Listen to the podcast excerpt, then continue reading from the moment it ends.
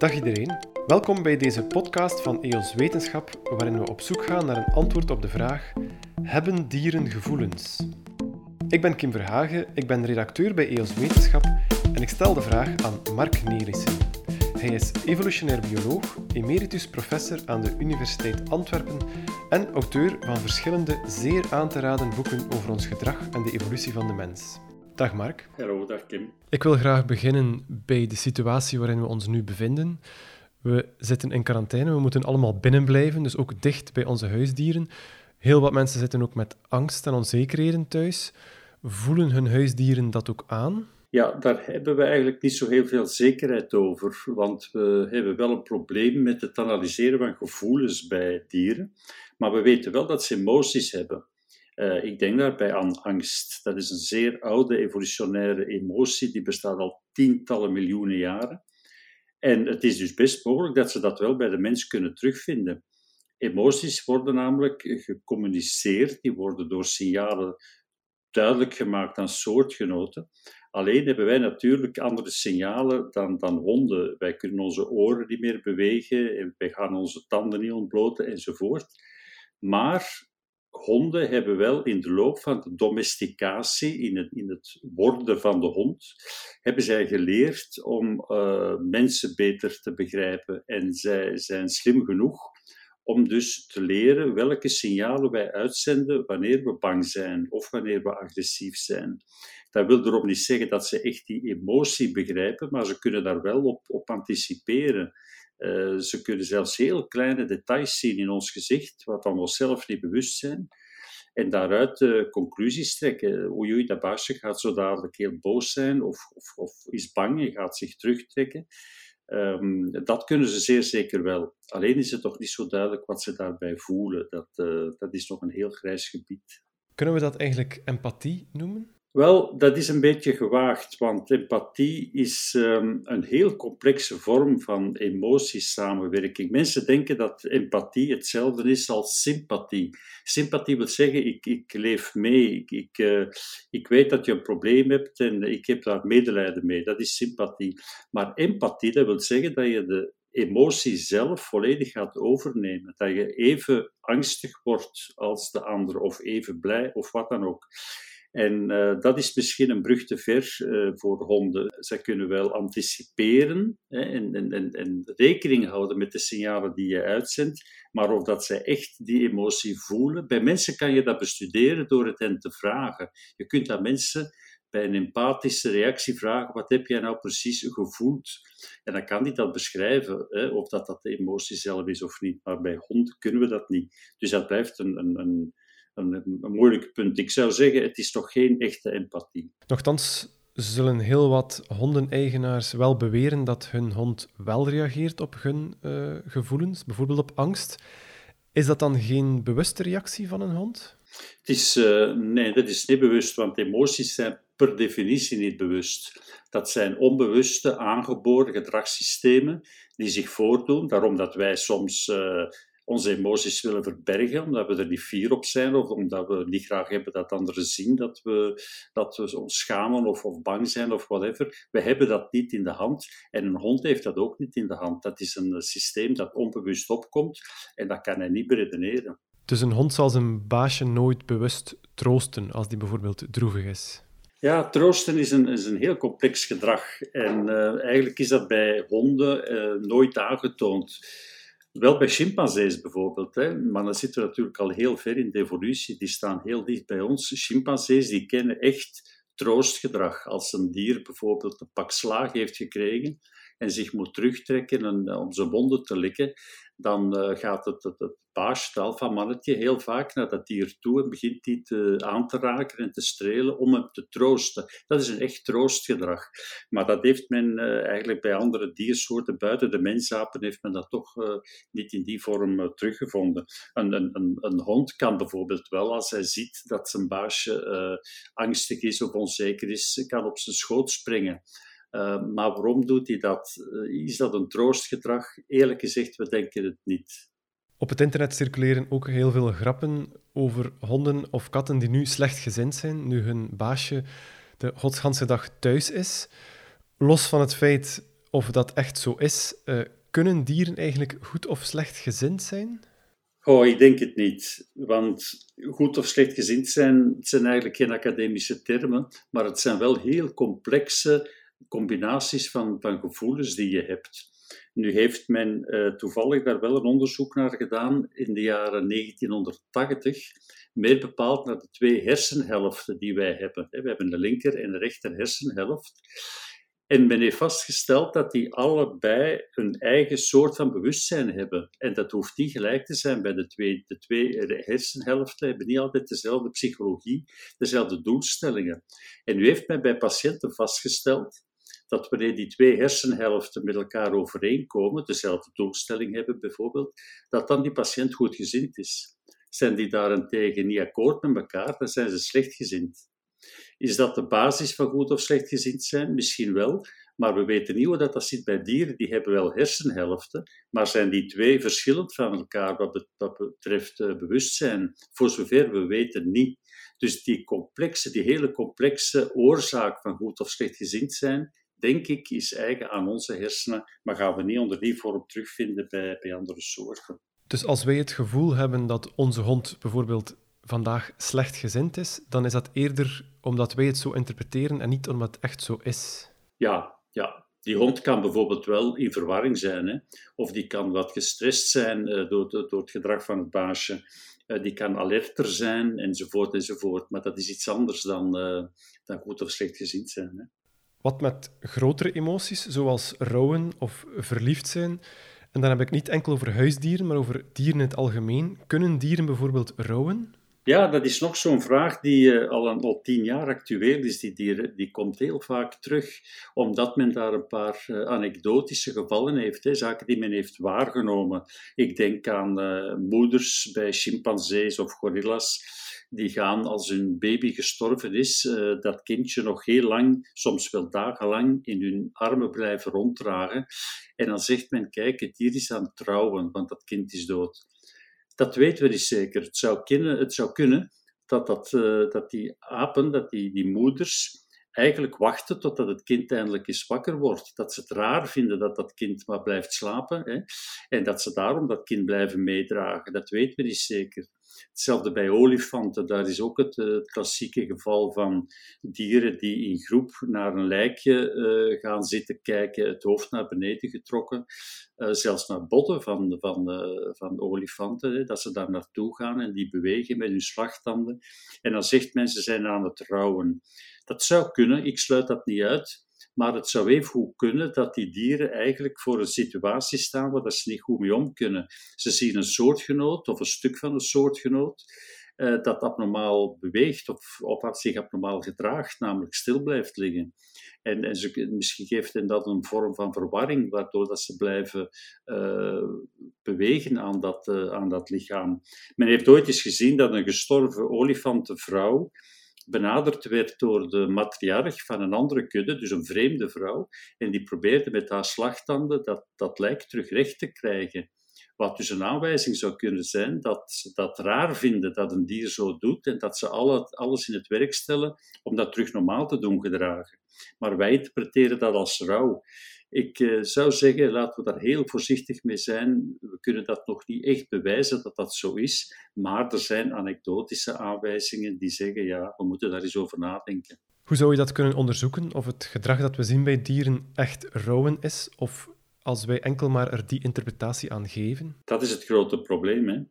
Um, we zouden eerst eens moeten nagaan wat is echt rouw bij een mens. Uh, veel psychiaters en psychologen weten dat, weten wat, hoe een mens reageert uh, wanneer hij in de rouw is.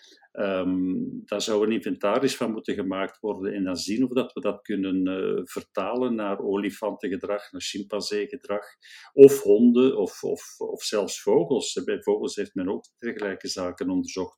En dan parallellen daarin zien, maar ik denk niet dat dat eenvoudig is. Een andere emotie die typisch menselijk is, is verliefd zijn. Kunnen dieren dat ook zijn, verliefd? Ja, niet zoals mensen dat doen. Um, kijk, we moeten eens eerst bekijken wat is verliefdheid eigenlijk bij de mens. Ehm, wanneer mensen zich willen voortplanten, hebben ze uiteraard de copulatie nodig. Dan kunnen we niet aan buiten. We kunnen nog altijd geen kinderen downloaden. Dus er moet seks uh, bedreven worden. En dat is uh, op zich eigenlijk nog een rare toestand. Je moet de afstand tussen mensen enorm verkleinen. Je moet ervoor zorgen dat man en vrouw zeer dicht bij elkaar komen. Je moet ervoor zorgen dat ze geen gijnen hebben voor de geslachtsdaad, met hun geslachtsorganen uh, alle mogelijke toeren uithalen. En dat doe je zomaar niet. Dus wat heeft de evolutie gedaan? Die heeft een soort van truc bedacht die uh, de mensen in een, in een roes brengt, in een dronkenschap brengt. Deze keer niet met, met alcohol, maar met een cocktail van, van hormonen en stoffen, uh, zoals fenylethylamine en dopamine en endorfines en oxytocine enzovoort. Dat zijn dus stoffen die in ons brein een soort roes geven, waardoor dat we anders gaan redeneren, de, de wereld anders gaan waarnemen enzovoort. Hetzelfde verschijnselen van verliefdheid. En dan kunnen wij zonder probleem aan seks doen, zoveel als dat we willen. Nu, bij dieren is, zit dat, bestaat datzelfde probleem. Zij moeten ook die angst overwinnen om een ander te benaderen. Maar daar hebben ze verschillende oplossingen voor. Uh, ze gaan bijvoorbeeld balsen hofmakerij. En dat kan een paar uren duren, dat kan een paar dagen duren zelfs. Maar dat is een periode waarin dat de angst wordt weggenomen tussen uh, de twee dieren. Of sommige dieren willen helemaal niet dat die angst weggenomen wordt en doen regelrecht aan verkrachting. Zij hebben helemaal die verliefdheid ook niet nodig. Sommigen gaan snel, snel een copulatie aangaan, zijn daarna zeer zenuwachtig van de spanning, enzovoort, enzovoort.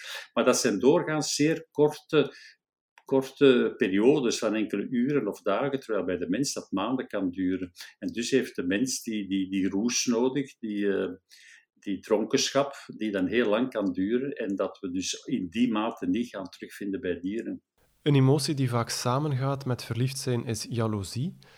Uh, baasjes van honden en katten kunnen ook soms beweren dat hun hond of kat jaloers is op anderen.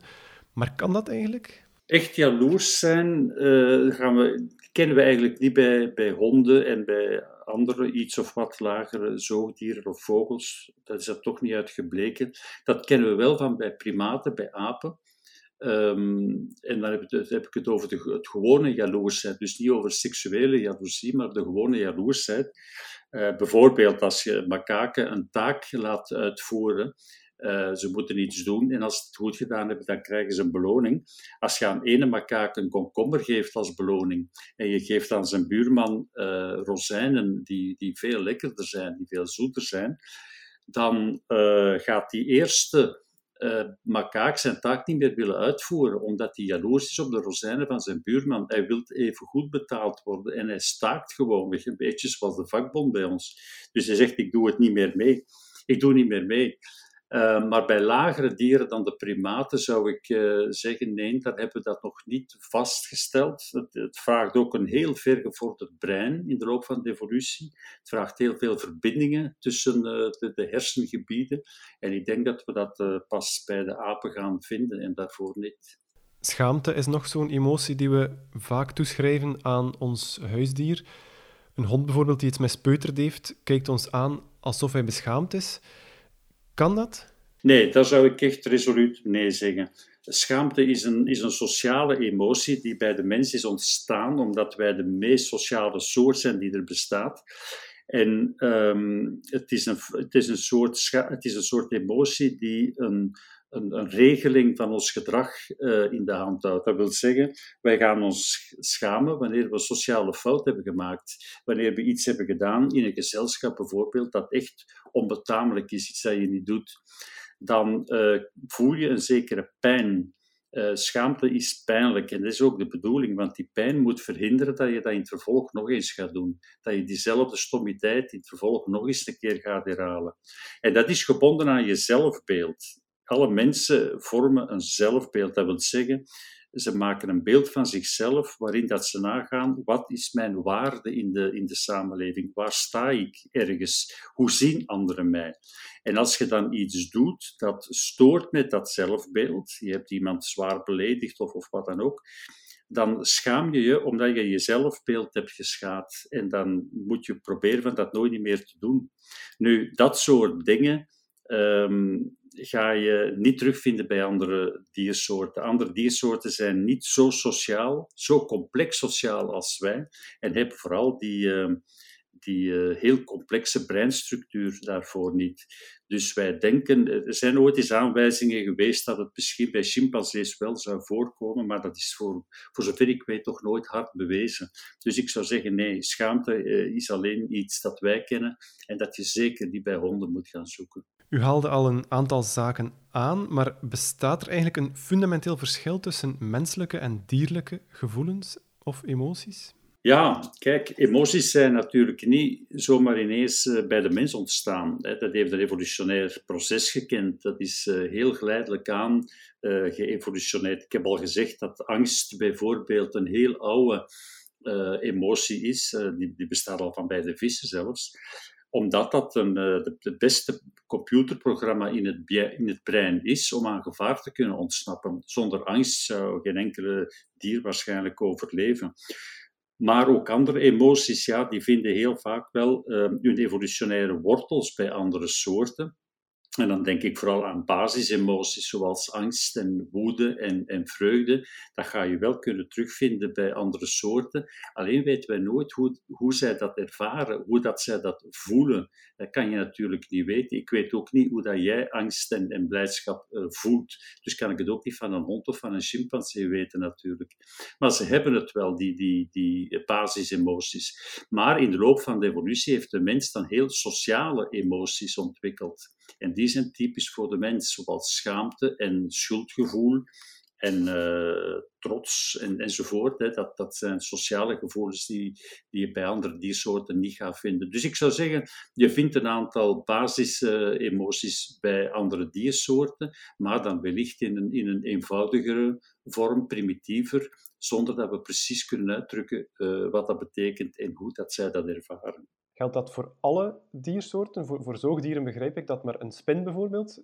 Nee, ook die emoties? ik denk dat niet. Er zijn mensen die dat zeggen, hè, die zelfs van emoties bij insecten spreken en, en bij spinnen en bij uh, schaaldieren enzovoort.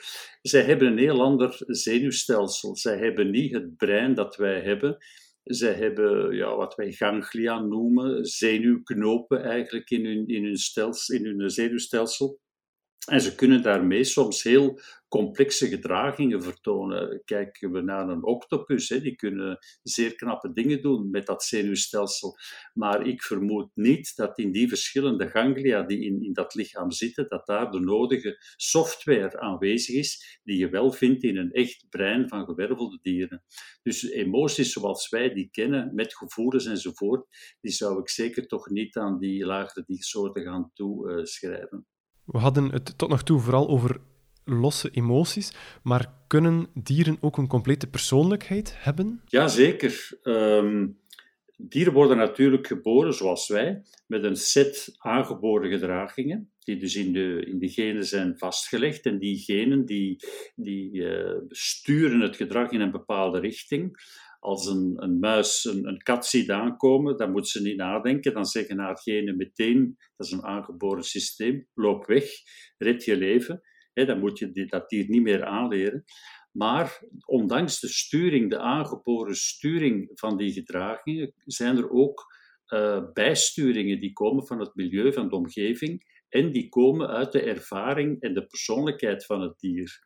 Het ene dier gaat bijvoorbeeld veel sneller uh, met angstreacties reageren dan een ander. Het is gevoeliger voor uh, angstprikkels. Nog een ander dier gaat veel meer risico nemen, bijvoorbeeld om, om een nieuwe omgeving te gaan verkennen.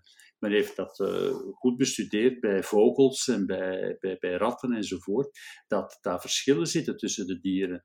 En trouwens, mensen die uh, honden en katten en paarden en wat weet ik al meer houden, die zullen wel vaak gezien hebben dat uh, het ene dier gemakkelijker op een prikkel reageert of enthousiaster op een prikkel reageert dan een ander dier.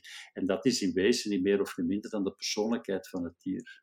U had het daarnet ook over een zelfbeeld. Een zelfbeeld dat wij mensen hebben en waardoor we ook schaamte kunnen voelen. Dieren hebben dat zelfbeeld niet.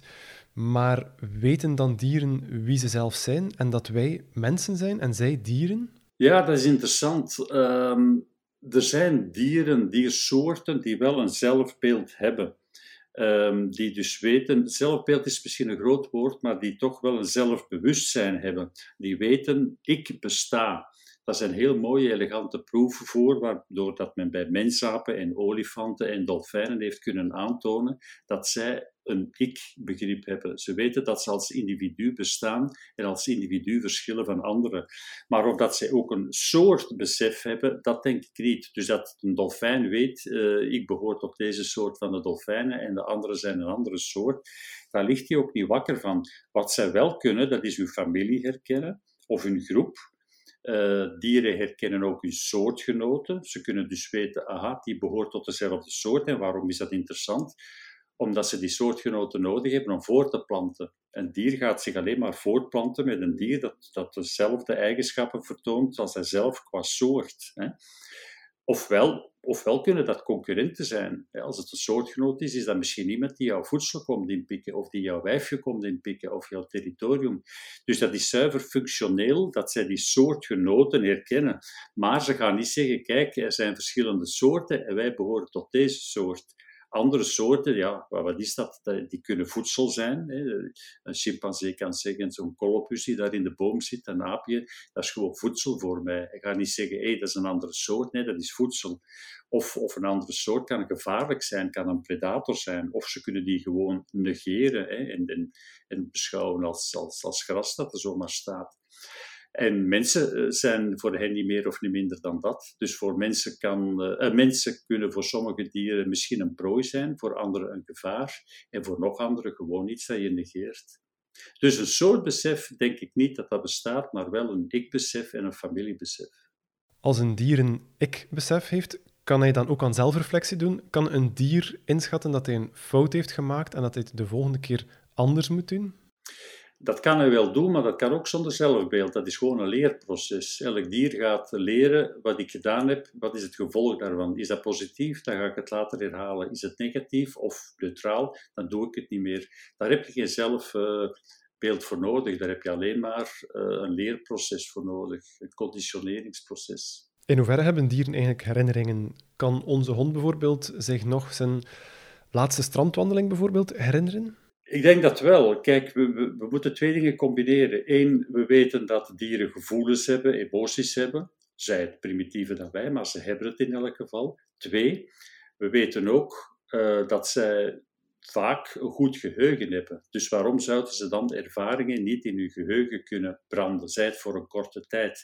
Dus als een hond een, een, een leuke ervaring heeft gehad, uh, lekker eten heeft gekregen of, of een leuke strandwandeling heeft gedaan, dan is het best mogelijk dat hij dat een tijdje onthoudt, dat hij die elementen die daarin zitten in zijn geheugen zodanig heeft ingebrand, dat wanneer hij die nog eens een keer ziet, dat die hond al begint te kwispelen door de ervaring die hij vroeger heeft gedaan. En dan kun je zeggen, ja, dat zijn emotionele herinneringen. 100% zeker kan ik dat niet bewijzen, maar alles wijst wel in die richting dat men begint nu meer en meer honden te begrijpen.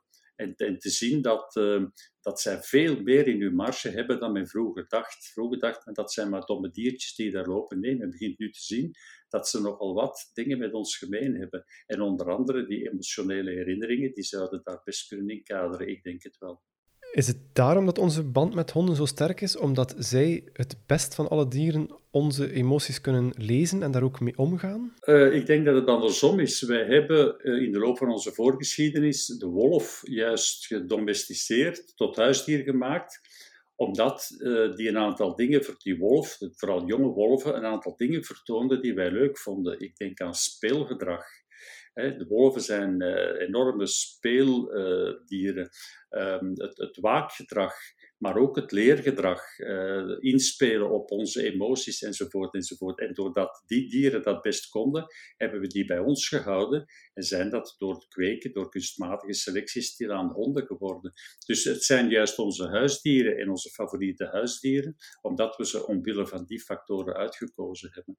Misschien een veel te algemene vraag nu, maar hoe slim zijn dieren eigenlijk? Ja, dat, die vraag krijg ik heel vaak. Is het waar dat mijn hond slim is? Is het waar dat een octopus slim is? Is het waar dat een chimpansee slim is? Kijk, dieren zijn eigenlijk niet slim of dom. Zij zijn geëvolueerd om te passen in een bepaalde plaats in de natuur, waarin dat zij zich in die omgeving kunnen manifesteren, waarin zij zich in leven kunnen houden, een nest kunnen bouwen, voedsel kunnen vinden, een partner kunnen vinden. Dus ze kunnen van alle mogelijke dingen uitvoeren in die omgeving om, om het goed te hebben. Soms zij kunnen de meeste problemen oplossen doordat het in hun genen ingebakken zit. Maar soms kunnen zij ook wel eens problemen oplossen die niet voorzien zijn. En daar hebben ze een soort redeneerproces nodig. En dan zegt men, kijk, die dieren zijn slim, want ze kunnen dat goed. Maar alle dieren in die soort kunnen dat. De ene wat beter dan de andere. En kun je dat slim zijn noemen? Het is moeilijk. Men heeft vaak gezegd, kijk, chimpansees zijn heel slimme dieren, want die gaan coalities, politieke coalities vormen om de macht te kunnen verwerven in hun groep. Is dat slim? Tja, ze doen dat al miljoenen jaren en, en ze hebben het zo vaak gedaan en ze doen het misschien over van anderen. Ik weet niet of je dat intelligentie kan noemen. Ze doen het normaal, zo. Het zit een beetje in hun gewone doen en laten. Mensen doen het ook. Kijk maar naar Trump, die, die, doet, eh, die maakt ook dergelijke coalities. Dus slim zijn, ik weet het niet. Tot slot dan misschien als conclusie van deze podcast. Vroeger vonden we dieren domme en emotieloze dingen. Vandaag weten we dat dat echt helemaal anders is. Wat leren we daaruit over onze relatie met dieren? Wel, zoals u zelf zegt, hè, we leren daaruit dat ze, um, dat ze niet zomaar de voorwerpen zijn die men vroeger dacht in de tijd van Descartes enzovoort, hè, dan zegt men dieren, dat zijn voorwerpen. Daar zit geen uh, emotie in, daar zit geen ziel in en wat weet ik al meer. En ze werden daar ook slecht, daardoor ook slecht behandeld. Nu weten we dat dieren onwaarschijnlijk veel dingen met ons gemeen hebben, dat, wij, dat zij een letterlijke voorloper zijn in de evolutie van de mens. Na ons komt er misschien nog iets anders, dat weten we niet. Ehm, we weten dat ze onze voorlopers zijn. We weten dat ze heel veel dingen met ons gemeenschappelijk hebben. De ene meer dan de andere. We weten dat ze een bewustzijn hebben en dus weten we ook, en dat zouden we goed moeten onthouden, dat ze een bewustzijn hebben waardoor dat ze kunnen pijn lijden, waardoor ze kunnen verdriet hebben, waardoor ze kunnen honger voelen, waardoor ze kunnen, wat weet ik al meer. En dat moeten we goed voor ogen houden, niet alleen voor onze nederigheid, want mensen moeten daardoor nederig worden, weten dat ze niet alleen staan op de wereld, maar ten tweede ook voor het dierenwelzijn, dat men meer en meer rekening gaat houden met de eigenheid van het dier, met de eigen waarde van het dier, om er respect voor te hebben. Dat kunnen we daaruit leren. Dat lijkt mij een hele mooie boodschap om deze podcast mee af te ronden. Ik wil u bedanken voor uw zeer interessante antwoorden. Ik wil jullie luisteraars thuis bedanken voor het luisteren. Heb je van deze podcast genoten? Kijk dan zeker ook eens tussen onze vorige afleveringen of daar niks tussen zit. Wil je op de hoogte blijven van volgende afleveringen? Abonneer je dan via je podcastkanaal of schrijf je in op de nieuwsbrief van EOS Wetenschap via www.eoswetenschap.eu. Tot een volgende aflevering.